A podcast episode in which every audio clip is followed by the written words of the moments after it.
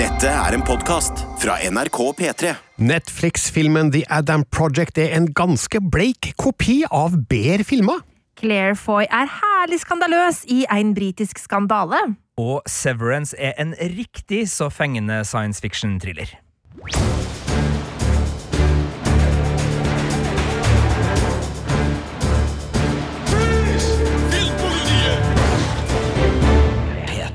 Her i studio sitter Birger Vestmo, Marte Hedenstad. Og Sigurd Vik. og vi har altså tre interessante titler å snakke om i denne podkasten.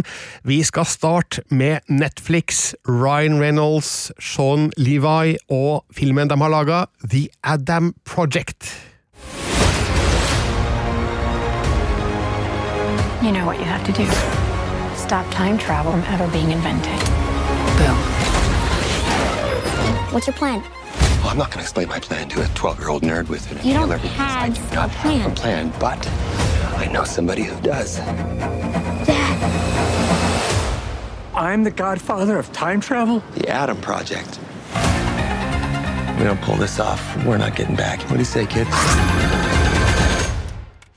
The Adam Project er altså en Netflix-film med Ryan Reynolds i hovedrollen.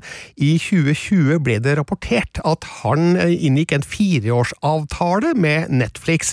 Vi har jo allerede sett Red Notice, som du var sånn passe fornøyd med, Sigurd? Ja, Det var en, eh, også en bleik kopi av bedre filmer. og Der virka det jo rett og slett som Netflix bare satt på algoritmemaskiner og kjørte gjennom Indiana Jones og en del andre ting, og lot da um, Ryan Reynolds, Gil Gadot og uh, Dwayne The Rock Johnson uh, gjør det uh, som de gjør på treningsanlegget før de forbereder seg til de virkelige filmrollene sine. Det var B-vara hele veien. Ja, vet du hva? Jeg tror faktisk Netflix og Ryan Reynolds har gjort det samme en gang til.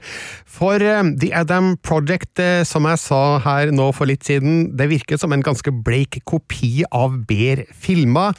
Det betyr ikke at den er nødvendigvis dårlig, men den har ikke kvaliteter som gjør at den hever seg over det middelset, og det er kanskje der de har ønska å legge lista, nettopp for å um, være en type film som er veldig enkel å strømme fra sofakroken, der du sitter og blar deg gjennom Netflix-menyen. Ja, Adam Project, Ryan Reynolds, en time og tre kvarter. Ja, kjør på! Og så er det en film som du ikke blir utfordra av på noe som helst vis, men du kan kanskje tenkes å bli underholdt helt greit. Eh, men eh, jeg vet ikke, er det bra nok? Det er jo ikke det ut fra et kunstnerisk perspektiv, men ut fra et forretningsmodellperspektiv, så er jo det der å ha nok påfyll i strømmetjenestene til at du aldri går tom, at du hele tida har noe som de kan foreslå. Hva med den her? Vil du se den her? Hva med den her som neste? Og uh, i og med at den forretningslogikken nå er såpass sterk, og vi er inne i en strømmekrig hvor det ikke nødvendigvis går i overskudd uh, hos Netflix og Disney pluss og Apple TV pluss og Paramount pluss og uh, Discovery pluss og Nei, jeg skal ikke trekke inn det norske her, men altså det, de store internasjonale nå, de pøser penger. Altså Amazon har virkelig tenkt å gå til krig her for å få kundene. De bruker mer penger enn det nødvendigvis tjener inn, kanskje, men det er jo for å posisjonere seg, og en del av den markedslogikken fordrer jo at du har nok originalt innhold, noe som det blir mindre og mindre av at I og med at alle har en strømmetjeneste, så er det mindre og mindre at du har alle typer filmer tilgjengelig. Du har liksom dine originaler først og fremst. Og ut fra en sånn markedslogikk så er sikkert dette en helt riktig og god film for Netflix, men ut fra et uh, vi som liker å se god uh, tidsreise-action-komediefilm, så er det kanskje ikke optimalt, nei. Men det er jo ikke, eh, som du sier, optimalt hvis det blir sånn at de bare spyr ut helt middelmådige filmer på rad og rekke. Folk vil jo bli lei av det til slutt. Altså, man merker jo at selv om man kan liksom Ja, eh, helt ok underholdning, helt ok underholdning, helt ok underholdning, da kommer man jo til et eh, tidspunkt eh, hvor man tenker bare sånn Nå er jeg drittlei helt ok underholdning. Ja, og det er derfor de slenger inn The Power of the Dog og Roma og en del andre kvalitetsfilmer, sånn at de skal kunne si ja, men vi har også Oscar-kandidater. Ja, men det kommer jeg for sjeldent, men, men altså. de tjener altså Jeg er helt enig med deg, Marte, men, men de øh, tjener jo uforskamma godt på å ha de her filmene. og Birger, du husker jo et, et 80-tall hvor rett på video eh, var en eh, catchphrase for en del type film, og det her er vel egentlig 2022-utgaven av Rett på video, ikke det? Ja, jeg syns det. Jeg ser ikke for meg at The Adam Project hadde blitt satt opp på kino nødvendigvis, sjøl om den har sterke navn på rollelista som nok trekker et visst publikum. Så virker det å være en film som er beregna for en strømmetjeneste som Netflix, og er det ikke sånn da at eh, når man sitter der og blar og skal velge et eller annet å glane på, så er det kanskje like sannsynlig at du velger en terningkast tre-film som The Adam Project er, som for eksempel en terningkast seks-film, eh, eller en terningkast fem-film. Du nevnte Roma, for eksempel. Er det ikke da ganske greit for Netflix sin del at de satser på denne mellomfilmen, som verken er fugl eller fisk, men som legger seg på et sånt midtsjikte der det tross alt finnes et publikum som vil ha det. Vet ikke, Marte, er det du velger film fra sofakroken? Eh, det kommer veldig an på humør. Ja, jeg kan ofte velge en terningkast tre-film hvis jeg er sliten, for eksempel. Orker ikke være for påkobla eh, og bare trenger noe som er ren underholdning. Men det finnes jo gode filmer der ute som er pur underholdning, og som er knallbra. Altså, Guardians of the Galaxy. Pur underholdning, knallbra. Eh? Altså, eh, og det er jo en massiv mastodont av en eh, superheltfilm, men det går an å lage filmer uten like stort budsjett som fortsatt er bra. Det gjør det, men vi snakka om Last Man Down mm. ganske nylig her i Filmpolitiet, altså actionfilmen med norske Daniel Stisen, som også fikk terningkast tre, men som er en perfekt film hvis du bare skal ha noe glan på, uten å være nødt til å koble deg på, som du sa, Marte. Bra uttrykk. Og det er nettopp det som er greia med The Adam Project. Du blir underholdt jevnt og trutt gjennom en time og tre kvarter, tror jeg den varer, og så slipper du å tenke så mye underveis. Alt blir servert rett opp i fanget på deg, uten at du trenger å jobbe så mye for det. Og um, sånn sett så fyller jo The Adam Project et høl i markedet som uh, mange er ivrige etter, og um, da kan man jo si at filmen har lyktes på sett og vis. Men når jeg som filmkritiker setter meg ned for å se en film, så gjør jeg det nok med litt andre briller enn eh, de som skal koble seg av en fredag kveld. Og da ramler The Adam Project dessverre litt igjennom, fordi den har tilløp til noe skikkelig bra, men det skusles bort i tøysete humor, og ja, nå skal ikke jeg sitte her på en pidestall og liksom avfei tøysehumor, for det kan være skikkelig bra uh, film, det også. Men uh, The Adam Project har noen problemer i måten den skal sjonglere mellom drama og komedie, som gjør at uh, ja, det blir rett og slett ikke bra nok, etter min mening. Men hva handler så The Adam Project om? Vel, den starter med en tekstplakat som sier at uh, 'time travel is real'. Og vi får en actionsekvens uh, ute i verdensrommet, ser det ut til, med noe fartøy, romskip, skråstrek fly av futuristisk art, som har en dogfight til tone av 'Gimme Some Lovin' av The Spencer Davies Group. og da skjønner vi jo bare med musikkvalget at ja, det her er underholdning, rett og slett av litt sånn uhøytidelig art, og sånn sett så heller jo filmen det anslaget lover. Men vi møter altså da Ryan Reynolds, som spiller da tidsreisepiloten Adam Reed. Han befinner seg da i 2050, men reiser tilbake til 2022 gjennom et sånt ormehøl. Krasjlandet i skogen bak sitt eget barndomshjem så viser det seg at han hadde jo egentlig tenkt seg tilbake til 2018, men av noen tekniske vansker så ble det 2022 i stedet for. Og så er det slik at dette fartøyet hans er avhengig av hans DNA-signatur for å fungere, men siden han er skada, så vil ikke skipet godta denne DNA-signaturen hans. Heldigvis så kan Man han endrer jo jo DNA når man er skada. ja, man gjør tydeligvis det. Eh, Men eh, så har han jo da eh, tolvåringen av seg sjøl rett ved krasjstedet i barndomshjemmet. Han kan kanskje da være den som kan få fartøyet opp og gå igjen, og komme seg tilbake til 2018, der han har et oppdrag, kan vi vel si da. Eh, Da er det jo slik at de to møtes, den voksne og den unge Adam. Eh, Den unge spilles av eh, Walt, nei, Walker Scobell, som er et eh, funn. Han er skikkelig god, faktisk. Og man skulle jo tro at når eh, man møter seg sjøl som tolvåring, så er det med en undring. Er det ikke helt fantastisk å møte seg sjøl som unge og kunne traske rundt i sitt eget barndomshjem og bare føle nostalgien kom flommende? Men um, Ryan Reynolds han eh, gjør alt til en stor gag og en stor vits og tøyser alt bort, og det er ikke noe ekte følelser ute og går på noe som helst eh, vis her. Han uh, er nesten irritert over å møte seg sjøl og synes at det her er jo helt unødvendig, og det virker som om dette skjer daglig for han. Han føler ikke noe spesielt ved å møte seg sjøl, eller være tilbake på gutterommet sitt, eller noe sånt. Og ja, det virker ikke særlig sannsynlig, føler jeg, da.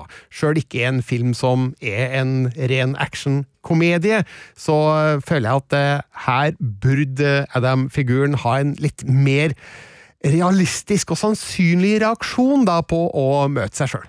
Er det sånn at handlinga foregår i 2022? For det meste, ja. Ja. Eh, Er det likevel, for jeg bare ser på plakaten her nå, jeg får en sånn eh, Er det her nok en eh, Netflix-produksjon hvor det her nostalgifilteret som tar oss tilbake til en slags sånn ubestemmelig Spielbergs barndomsnostalgi er i spill, eller er den, føles den moderne og 2022, eller har den litt sånn der, nesten sånn Stranger Things-aktig lag over seg, sånn som plakaten i hvert fall ser ut til å ha? Uh, nei, det er 2022 her. Ja. Det, det er ikke noen nostalgi. Det er vår egen samtid de befinner seg i, på godt og vondt, og, så det er ikke noe Stranger Things-nostalgi ute og går her, annet enn at eh, i hvert fall anslaget minner meg mye om Steven Spielberg og hans ET fra 1982.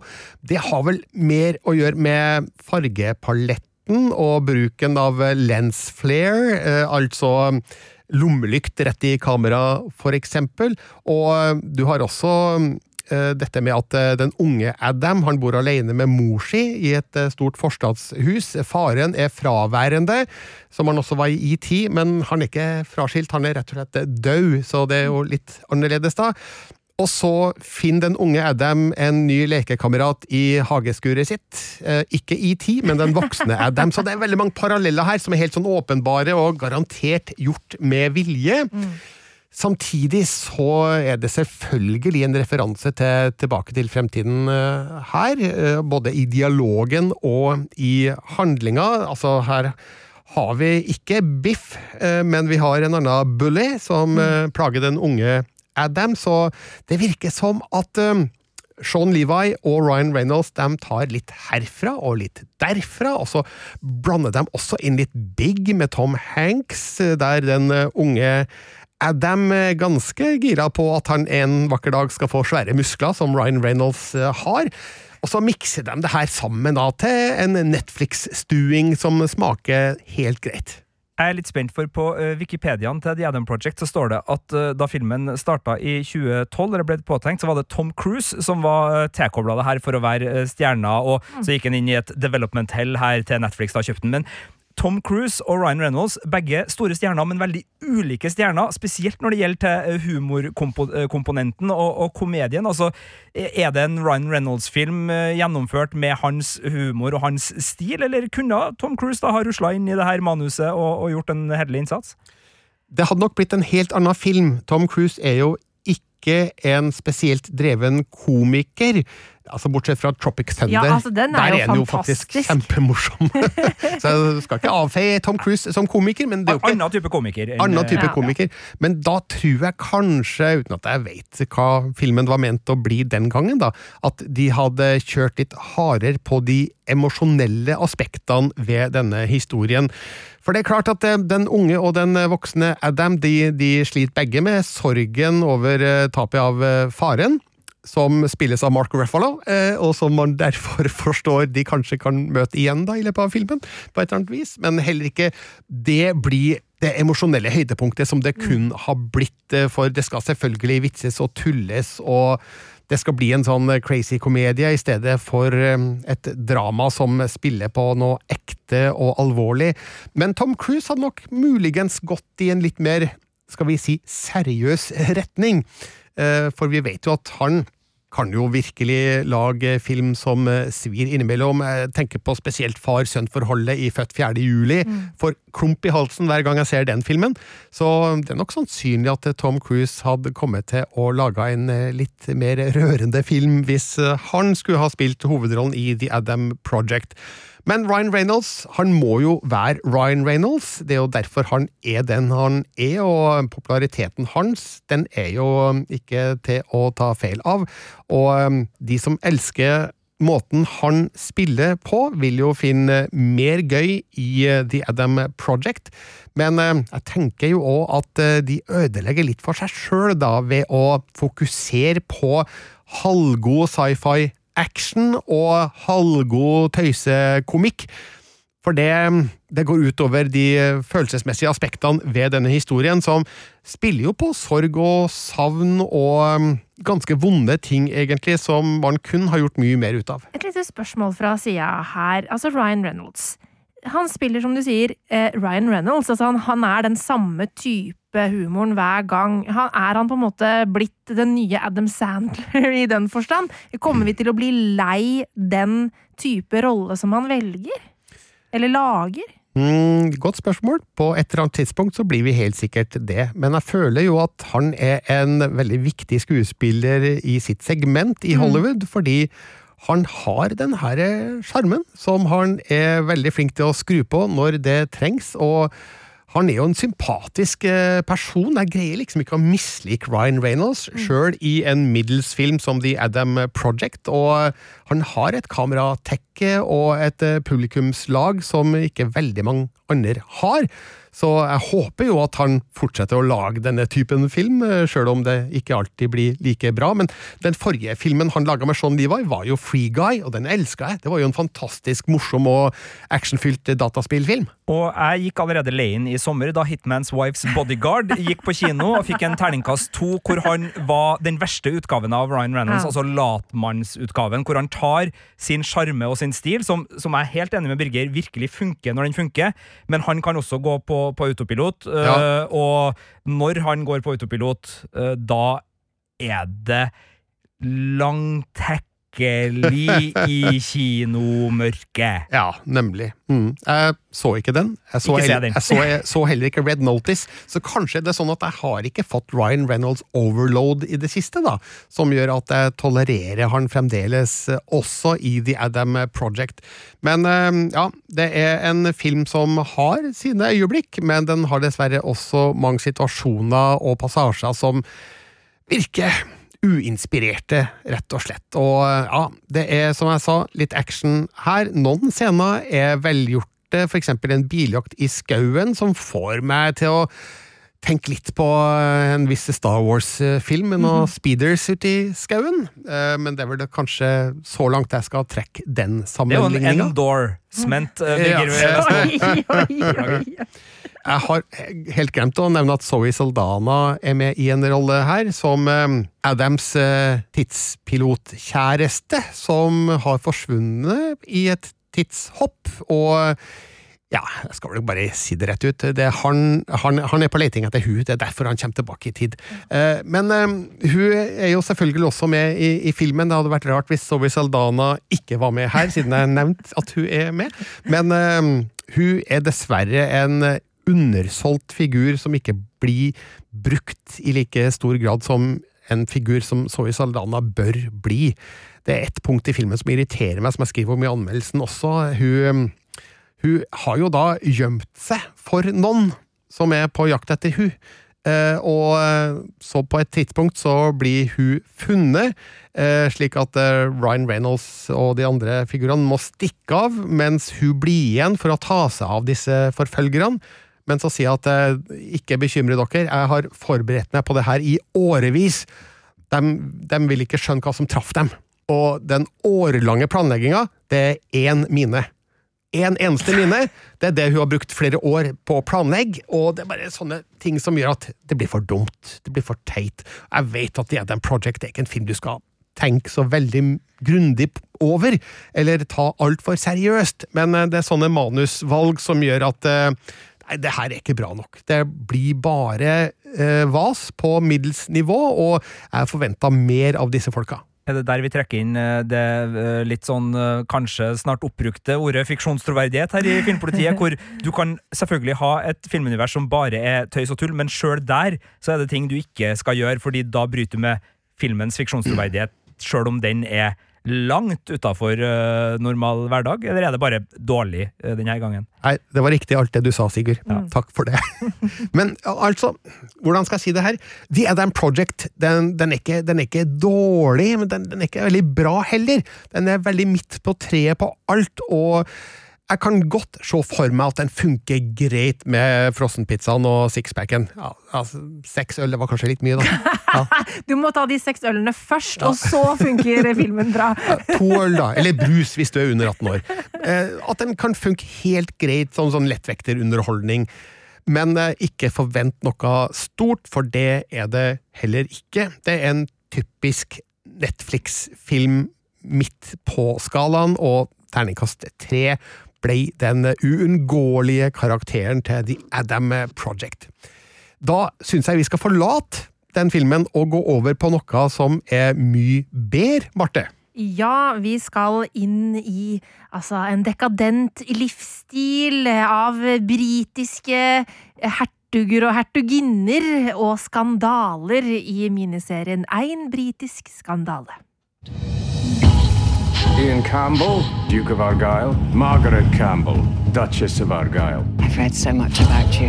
I feel I know you. Do you? Everything is about sex. I like it very much, and I'm extremely good at it. How many men have you got? How many women have you got? Every morning, I wonder which Ian I'm going to wake up to. You were drunk last night, and you're drunk now. Here's the thought, Margaret. Pay the bills. It's what you're for. En britisk skandale vises på NRK. Du kan se den i appen NRK TV.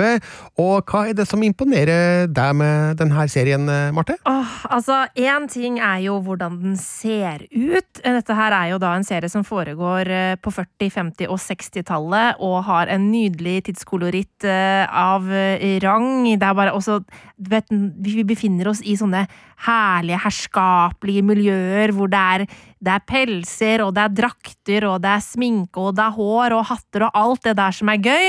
Og så er det altså to fantastiske skuespillere i hovedrollene som da hertugen og hertuginnen av Argyle, eh, nemlig Paul Bettany og Claire Foy. Altså Vision og dronning Elisabeth. Helt riktig. Ja. så det her er The Multiverse uh, til Marvel Cinematic Universe som virkelig nå har nå har, slått sprekka. Nå har det klikka for Wanda, og hun har laga et helt nytt univers her nå. Satt og så The Crown, og du verden så det smalt! Hun er veldig glad i TV, Wanda. men, eh, men, dette her er jo da basert på virkelige hendelser. Fordi eh, dette her er en serie som, eller en miniserie da, som legger seg inn i eh, samme mm, ja, eh, åndelige oppfølgerarena som A Very English Scandal. Og det var jo den med Hugh Grant, eh, hvor som ble egentlig det første sånn store skillet for min del av Hugh Grant som dramatisk skuespiller kontra romantisk komedieskuespiller.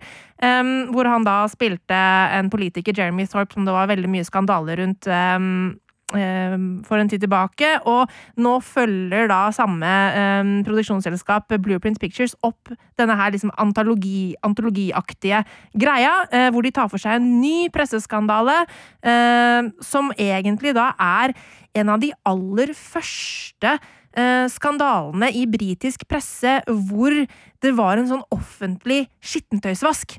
Eh, hvor eh, folk ble hengt ut i media. Eh, og den som da spesielt ble hengt ut, er da Margaret, hertuginnen av Argyle, fordi hun Altså, I et, en skilsmisseoppgjør med sin ektemann, hvor han ønsker å skille seg fra henne, så blir det da eh, lekk lekker det fra denne rettssaken noen nakenbilder eh, hvor hun er utro mot han, og det blir stor oppstandelse. Eh, og som vi ser innledningsvis i første episode, eh, hvor hun da er på vei til rettssalen, kjører gjennom eh, på en måte en folkemengder i London som spytter på bilen og kaller henne for hore, og det er ikke måte på eh, hvor galskap eh, det er. og så spoler vi en hel haug med år tilbake, um, det er vel ja, noe sånn 16 år tilbake eller noe sånt nå, til de først uh, møtes. eh, hvor da denne hertugen fortsatt er gift med sin andre kone, eh, men blir eh, ja, hva skal vi si, betatt ja, vi kan jo bruke det ordet, av eh, Margaret, og ikke minst pengene hennes. Eh, og de innleder et forhold, eh, og han er da utro, slik at han skal kunne få skille seg fra kone nummer to. Um, og så, ja, får vi da være med på en ganske sånn litt hesblesende kjapp tur gjennom deres veldig sånn stormende forhold av både det som ser ut som stor forelskelse, eller i hvert fall lidenskap, uh, men også raseri, bitterhet og egentlig direkte hat mot hverandre. Jeg har sett den første episoden av tre, er det det? Det er tre episoder, ja. Ja. Og jeg ble jo også, som deg, betatt av hvordan det her ser ut, Mm. for det virkelig er en stor og dyr produksjon. Det er utrolig lekkert gjort. Og så er da disse skuespillerne helt fantastiske i sine roller, fordi jeg blir nysgjerrig på dem. Jeg, jeg jeg får sansen for dem på et eller annet vis, sjøl om de er jo helt utålelige. Ja, ja, ja. De er jo forferdelige. Det er forferdelige mennesker. Man, man liker dem virkelig ikke. Begge to fremstår som egoister som bare er opptatt av egen lykke på bekostning av andre ofte. Um, og vi befinner oss jo i et sånt landskap av den britiske overklassen som har altså sånn, Det er veldig mye altså sånn bak fasaden, skjulte fester eh, som på en måte ingen andre får innsyn i, ikke sant, som er det er ingenting, Dette er jo før på en måte sladrepressen. altså Denne saken er jo på en måte starten på britisk sladrepresse. Sånn at det her kunne jo eh, adelen og overklassen virkelig herje, uten at det ble egentlig meldt noe som helst sted. Eh, og det, det er en gjeng med uspiselige folk med en ganske sånn eh, lavish eh, livsstil.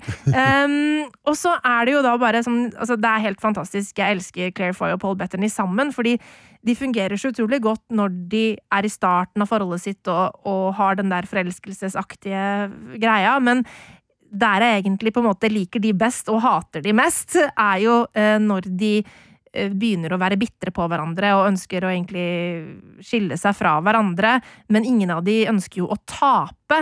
Og det er veldig mye penger inni bildet her som skal fordeles og ikke fordeles osv., så, videre, så det er mye som står på spill, da. Mm. Og prestisje. Ikke minst Ja. prestisje, og det å tape ansikt spesielt.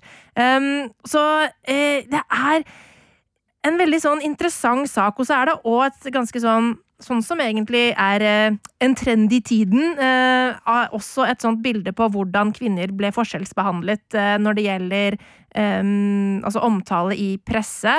Hvordan man ble behandlet i altså rettsvesenet, og også hvordan man ble omtalt i samfunnet. Um, om en mann er utro, det er bare på en måte Trekker man på skuldrene. Hvis en kvinne er utro, så er det full on skandale. ikke sant? Det, eh, og det er en forskjellsbehandling som kommer veldig tydelig frem her, og som settes fokus på. Eh, Og det er jo eh, ganske sånn Jeg liker veldig godt hvordan det her er sydd sammen, fordi selv om man misliker Margaret og syns at hun er en ufordragelig person, så får vi jo også sympati for henne i den forstand at hun blir veldig dårlig behandlet av samfunnet rundt seg. Um, og det er jo da um, serieskaper Sarah Phelps som har skrevet det her, og jeg syns hun er veldig god på å liksom få frem akkurat det aspektet. Det jeg syns hun kanskje ikke er så god på, er å la oss bli ordentlig kjent med rollefigurene vi følger. For selv om vi på en måte får et godt innblikk i forholdet deres, så syns jeg vi godt kunne brukt litt mer tid på å bli kjent med dem. For det er bare tre episoder her, eh, men det er veldig mange år som skal dekkes. Eh, Og det at på en måte hun kanskje ikke tør å dikte nok eh, i disse på en måte hemmelige rommene, eh, gjør at man ikke kommer nok under huden. Fordi altså sånn Hvis vi tenker på The Crown, da, så er det jo, der er det jo masse som er diktet. ikke sant? Hva er det som foregår på de indre gemakkene? Hvilke samtaler, hvilke følelser er det som har ligget der? Det vet man jo ikke, men det diktes. Og på den måten så får man jo på en måte en mer større følelse for rollefigurene som skildres. Mens her så blir det litt for mye på overflaten, syns jeg, fordi at eh, hun tør kanskje ikke dikte nok. Det er liksom ting som hintes om og så videre, eh, men som vi aldri kommer ordentlig nedi. Det står jo en tekstplakat før den første episoden i hvert fall, om at ehm, serien er basert på virkelige Ja. hendelser, men vi har nok Ja. funnet opp mye, ja! Ja, og det, og bortsett fra det som på en måte er fullstendig løgn. Så ja, Men jeg kunne ønske de kunne lyvd enda litt mer. Den tekstplakaten står også på Inventing Anna. Ja, det er jeg en, tror det er en liten sånn Altså, trend å Har man bare liksom eh, blitt enig med juridisk om at eh, vi på skøyeraktig vis legger inn den tekstplakaten må, i absolutt alt av historisk drama nå? Vi må dekke oss litt her. Jeg tror Jeg det. har egentlig alltid lurt på hvorfor de ikke hadde en sånn plakat før The Crown, for her Mm. snakker vi jo om eh, fremdeles eh, gjenlevende figurer til en stor del, men jeg kan ikke huske at det sto en sånn plakat eh, der, men kanskje på rulleteksten, da. Ja, det er mulig, det. Jeg Eh, liker jo uh, Cohen-brødrenes Fargo-film aller best der, eh, ved å insistere på at uh, det er uh, sanne eh, hendelser i en fiksjonsfilm. Ikke Eh, sant? Ikke sant? Like. Eh, Men så er det jo sånn at det er jo norsk regi på denne miniserien her. Anne Switzky har regissør, har regissør, har regi på alle tre episodene, og hun har stålkontroll på eh, den materien. Så selv om jeg syns at man kanskje ikke går i nok i dybden, og jeg skulle gjerne vært mer i dette universet, så det vi får se, er er jo veldig, veldig bra. Eh, og hun har jo da jobbet sammen med en fotograf som heter Seabell, som også rammer det her inn på helt nydelig vis, og det er så mye flotte bilder og lek med lys og skygge og sånne flotte tablåer i store rom og så videre, Ja. sånn at det ser jo virkelig fantastisk ut. Absolutt en visuell nytelse, det her, og utrolig effektivt anslag, Mm. der vi ganske kjapt eh, blir dratt inn i konflikten, og eh, liker også veldig godt hvordan dette forholdet utvikles da når vi går litt tilbake i tid og får forhistorien til ja, hvordan de eh, ble, ble gift. Og en veldig interessant utvikling av Anne Sewitskys eh, karriere, syns jeg. Eh, Vi mm, ble jo kjent med hun her hjemme da hun ja, først har regissert noen episoder av Himmelblå Ja. i 2008. Men eh, så ble hun spillefilmregissør med Sykt lykkelig i 2010, og så kom den utrolig søte Jørgen pluss Anne eh, sant i 2011. eh, De nærmeste i 2015, og den siste filmen hun laga her i Norge, det var Sonja i 2018, om Sonja Hennie. Eh, Innimellom der så har hun altså regissert noen episoder av serien eh, Koselig med peis og Helt perfekt og Monster. Men så har hun tydeligvis flytta på seg utenlands og har eh, laga episoder av både Black Mirror og Castle Rock. Og nå da en britisk skandale. Og jeg ser på Internet Movie Database at nå er hun i gang med en um, dramafilm som heter White Night, med Chloé Grace Moretz og Joseph Gordon-Levitt i hovedrollene. Så Spennende. dette er en karriere med en oppadgående kurve, eh, og jeg tror nok at en britisk skandale også kan gi henne et eh, enda større navn internasjonalt. Ja, det vil jeg tro. Eh, Og dette her er jo en type serie som det er stor appetitt på, og som det er veldig mange som ønsker å se mer av. Og som det òg lages en del av. Eh, Så eh, der er det jo kanskje en liten dør som har åpnet seg opp da, for Anne Sewitsky for å lage mer av denne typen dramaserie også. Det er altså tre episoder som du finner i NRK TV, og det er rett og slett en anbefaling. Virkelig en anbefaling. Terningkast fem fra meg.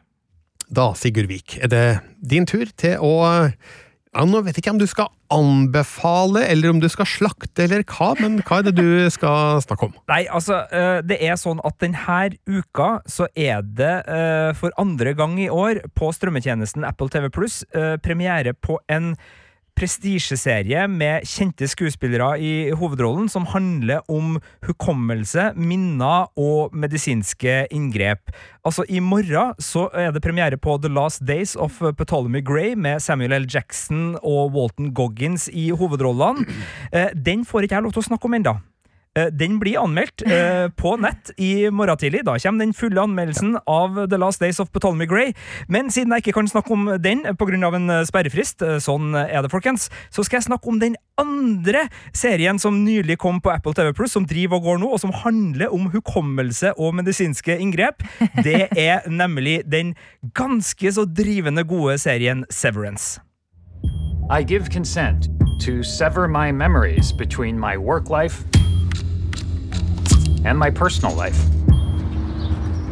I acknowledge that once the procedure is complete, I will be unable to access my personal memories whilst on the severed floor. Say gratitude. Nor will I retain work memories. Hey! Sorry. When I return home at the end of the day. I make these statements freely. Wow! Ja, Hva handler Severance om? Nei, du fikk jo uh, egentlig et ganske greit handlingsreferat her fra hovedpersonen uh, som spilles av Adam Scott. Det er en serie om en uh, arbeidsplass hvor reglene er sånn at for å jobbe her, så gjøres det et kirurgisk inngrep som gjør at hukommelsen din på jobb er jobbminner og hukommelsen din på privatlivet er privatlivsminner, men de blandes ikke, sånn at du husker ingenting når du kommer hjem fra jobb, Birger, om noe som har skjedd på jobben. Om du forelsker deg i en kollega, om du har wow. spist godt, om du har, uh, egentlig jobber med, med, drap for regjeringa. Sånne ting. Du, du, vet ikke det når du kommer hjem. Da lever du livet ditt helt i fred og fordragelighet. Uh, og samtidig, når du er på jobb, så er du på jobb. Da er ikke du plaga av krangelen med naboen eller noe som helst annet. sånn. Da er du, du er, uh, ja, det, det er separat. Men, så det er premisset her. Men gir serien noen god forklaring på hvorfor noen ønsker å ha det sånn? ja, det er jo flere årsaker til det. Selvfølgelig så er det jo det med at eh, bedriften ønsker et uh, optimalt uh, Veldig sterk NDA-avtale. Ja. Vel, veldig god, godt arbeidsmiljø hvis ingen er distrahert. Og, og, her sitter man jo og jobber. Det er, veld, altså det er en estetisk helt nydelig serie der. Det er Ben Stiller som har regi, og i tillegg til Adam Scott så er uh, John Torturo og Christopher Walken og Patricia Arquette blant de, de ledende skuespillerne. Jeg har ikke sett ferdig hele hele serien. Eh, det var sånn at den skulle anmeldes eh, av oss, men eh, så kom det noe, noe covid-greier som gjorde at vi måtte putte den ut av systemet. Så jeg har bare kosa meg med den her og sett ukentlige episoder. Nå er vi midtveis. Femte episode er på vei, og, og det er stor trivsel. Og du spurte meg om, om det her er uh, troverdig. Det er jo det i en sånn uh, litt sånn sci-fi konspirasjonsthriller-landskap som da spilles ut her. Det er selvfølgelig grunner på privaten til at blant annet da Mark Scout, vår hovedperson, spilt av Adam Scott, har valgt å gjøre det her. Det skal ikke avsløre for mye, men han har sine grunner til å ikke ønske og tenke på privatlivet sitt hele døgnet, så for han så er det en mulighet til å, å slippe unna. Eh, samtidig så er det jo noe rart som skjer på denne arbeidsplassen. Det er en gigantisk bedrift med veldig mange forskjellige avdelinger. Alt inne i en gigantisk industribygning hvor gangene føles som evighetstunneler, hvor kontorlyset lyser opp på den mest sånn fremmedgjorte vis. og Det er rett og slett bare en det er en imponerende oppvisning i fremmedgjøring i arbeidslivet. det her. Altså, Ta New Public Management, skru opp bryteren til 11, og du har litt av den stilen som presenteres på denne Lumen Industries-arbeidsplassen, hvor Alt er sånn der du, kan, du må fylle ut skjema for å gjøre ulike ting. Du kan uh, request a hug hvis du føler deg litt for nedfor. Uh, du kan ikke gjøre noe på eget initiativ. Alt må gjennom bedriftsledelsen. Du skal ikke vite noe om hva den andre naboavdelinga gjør. Så alt det her er uh, urovekkende kjent for så vidt fra et uh, mer og mer uh, fremmedgjort arbeidsliv, så, så, den tar på en måte noen, noen, samfunnspoeng virkelig på kornet, men så spilles det jo også ut i større skala, og uh, måten uh, det her veves sammen på, og man etter hvert skjønner at det fins både ak aktivister på utsida som er imot denne prosedyren, som mener at hvis du gjør det her, så er du en tulling, og vi ser også Mark på date, og så begynner de å snakke om sånn Ja, hva jobber du med? Jeg jobber på Lumen. Og er du en av dem? Er du en av dem som har klippet i hukommelsen din? Så, så, det bygges opp et trykk utenifra òg, og setter det inn i, i, kontekst. Og der klarer serien, i tillegg til å liksom være på ballen når det gjelder hva som faktisk foregår i handlinga, så sitter jeg med en gjenkjennelighet der, for hvis man har noe i livet sitt som andre syns er rart, så er den der eh, når man skal snakke om det og bli møtt bare med en sånn her 'Å, er du en sånn en?' Uh, og det kan være mange plasser i, i livet man, man, har sånne ting. Så, så jeg syns serien også, til tross for å være et veldig sånn øh, ja, tydelig premiss som ligger utenfor den virkeligheten vi har, så klarer den å være en relaterbar og, og gjenkjennelig serie også. Jeg kjenner jeg blir veldig fascinert. Eh, fordi ja, ok, han har noen greier han ønsker å flykte fra på hjemmebane, typ. Men altså, det å skrive fra seg minnene sine Altså, det, det, er jo det er et kjempeinteressant sånn liksom filosofisk tankespinn, da. Fordi sånn han kan jo gjøre hva som helst. Som, altså, han kan jo være leiemorder, liksom. Altså, han, altså, det er jo Og han er villig til å være leiemorder, da. Det er jo det han er, når han skriver under på den avtalen. Nei, men Lumen Industries har et veldig tilforlatelig industribygg ja, men det, eh, i altså, byen. Hva som eh, foregår, og hva disse arbeiderne blir eh, brukt til, det vet han jo ikke. Nei, og det eh, vet jaggu ikke vi som TV-seere i starten så heller. Så, så det er noe sånn konspirasjonsnoia-thriller fra 70-tallet. Altså, det er lett å tenke sånn Gene Hackman, The Ja. Conversation, Francis Ford Coppola-aktig her. Det, det er ikke der, men, men det har det der draget. og Vignettmessig, altså Vi har jo skrutt av eh, Pacemaker for å ha kanskje årets Mm. beste åpningsvignett. Rivalen Oi, eh, oi, Severance kommer på banen her med en utrolig delikat og lekker åpningsvignett, som, som er med å gjøre det her til en sånn serie som eh, de som elsker Mad Men, de som elsker eh, Altså de, de, de sinefile, bare at du ikke er sinefil, du er eh, seriefil. Eh, altså De som elsker god TV-estetikk, de får virkelig en oase her. Jeg syns jo det er veldig morsomt at eh, det er Ben Stiller som har regissert det her, for eh, han kjenner vi jo først og fremst som komiker, ikke sant? Han har jo spilt i alt fra Zoolander til eh, Slekten er verst, eh, Tropic Thunder, Natt på museet-filmene. Og så begynte han å regissere ting. Han laga jo Altså, det har han jo gjort lenge, da, men han begynte å regissere noe som ikke var komedie, nemlig Flukten fra Dannemora. TV-serien som kom i eh, 2018-ish, var det det? Yep, fikk terningkast fem her i Filmpolitiet. Ja, og nå altså Severance. Eh, er det noe Ben Stillersk eh, humor her, eller er det fritt for det? Eh, Det er ikke fritt for det. Det er eh, et underfundig univers som eh, selvfølgelig har eh, ganske mye eh, brutale ting i seg, som har vonde ting i seg, som har sorg og traumer i seg, men det er klart, hvis du har Ben Stiller på regi og Adam Scott i hovedrollen, eh, og Christopher Walken og John Torturo også i litt sånn eh, komiske roller Nei, ikke komiske roller, det er ikke de, men altså, de, de har rollefigurer med litt rom for sånne ting. Så ja, det ligger både en sort humor her, og også en del artig sånn småting innimellom, spesielt i måten de håndterer det å jobbe på verdens mest fremmedgjorte bedrift på. Eh, Altså, han lagde jo også den The Secret Life of Walter Mitty, som det var jo fortsatt en komedie, men det var jo litt mer i det dramatiske landskapet og mer sånn tankevekkende greiene. Det er, er det, det er litt mer i den retningen, eller ikke så humoristisk? Nei, det er ikke, det er ikke den type humor. Nei. Ehm, det, det her er en eh, Altså, det her er uh, på mange vis nærmere Stanley Kubrick. Uh, sin estetiske finesse i litt sånn uh, 2001, en romodyssé-aktig Altså de Altså, Den retrofuturistiske arkitekturen inne i det her kontorlandskapet sender definitivt uh, tankene i, i retning uh, Kubrick, og det er også utrolig lekkert gjort. Altså, De sitter i en sånn firedelt kontorlandskap med skillevegger som de kan ta ned og ta opp, og det er veldig stilig med fargene som er brukt der. Så, så hele den rytmen i det estetiske gir serien en veldig sånn eh, grunnfølelse som er eh, mer Kubrick enn eh, noe Ben Stiller har gjort eh, tidligere. Men når det er sagt, eh, så er det jo ikke Kubrick, og, det er ikke 2001 en romodyssé. Det, det er en arbeidsplassdramatriller med en mulig stor konspirasjon utenfor.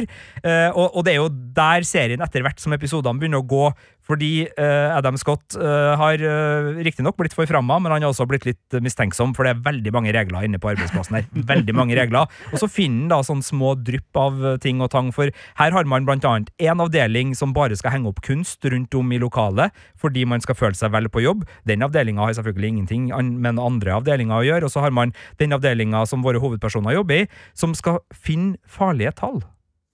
Farlige tall? Ja, de, Hva- sitter og, de sitter og ser på skjermer, og så dukker det opp farlige tall. Skal ikke si noe Nei, mer, for si noe mer. her skal man holde det Å, der skal jeg rette, jeg må ja. Så, så det er mye som funker her, og um, jeg er veldig spent på, etter da halvsett sesong, om det her holder hele veien inn. For det, det er klart, det å etablere spennende premiss, og det å etablere et rollegalleri og noen regler og en estetikk, det krever mye, og det er gjort helt forbilledlig her. Men når du legger inn historier, så er jo selvfølgelig også mye av øh, om man ender opp med å, å elske det eller være skuffa, om liksom historier lever opp til forventningene her. Og så langt så gjør den virkelig det. Jeg, jeg, ja, av sånne ukentlige serier så har det her vært min skikkelige sånn godbit. Ja, Landscapers, som kom i desember og tippa over i januar, den Um, og, og den her har vel vært eh, de sånn av den litt kunstferdige type serien. Altså ikke, altså Jeg har jo storkosta meg med Yellowstone og Mare of Kingstown og, og, masse, men det er mer sånn typiske dramaserier. Men her er det litt mer sånn rare, men likevel mm. veldig interessante, så er uh, Severance en, en, skikkelig godbit. Så, så hvis dere liker Eh, konspirasjonstankegods og liker litt sånn systemkritikk av hvordan samfunn vi er i ferd med å bygge oss, med effektivisering, med fremmedgjorte arbeidsplasser og selvfølgelig også bedrifter vi kanskje ikke helt stoler på, for hvem vet hva de egentlig holder på med? Informasjonskrig, fake news, masse som eh, bobler rundt i, i hodene våre som dagen, og Severance prøver i hvert fall tilsynelatende å lande noen av de tankene og, og putte dem i noen settekasser. Så jeg syns det, det, er en veldig god serie, syns jeg. Så selvfølgelig er den for alle. Hvis du forventer action, handling eh, og latterbrøl, så er kanskje ikke Severance plassen i det hele tatt. Men eh, er du interessert i noe, noe nytt og, og, visuelt fengende, samtidig som den har eh, en del nydelige rollefigurer, overraskelser underveis, skal ikke si noe mer enn det, og en Patricia Arquette som Ja, hun, altså. Like god som i Dannemora? Du, vet du hva? Uh, en uh, lignende rolle, ja. på sett og vis, samtidig som de ikke ligner i det hele tatt. Men okay. uh, ja, hun er like god som hun var i The Escape from Dannemora. Bra tips, Sigurd. Severance eh, ser du altså på Apple TV pluss.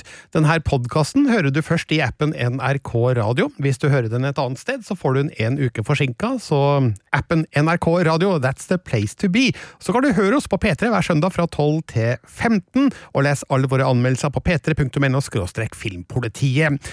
E-postadressa vår er filmpolitiet, alfakrøll nrk.no. Her i studio satt Birger Vestmo. Marte Hedenstad. Og Sigurd Vik. Du har hørt en podkast fra NRK P3.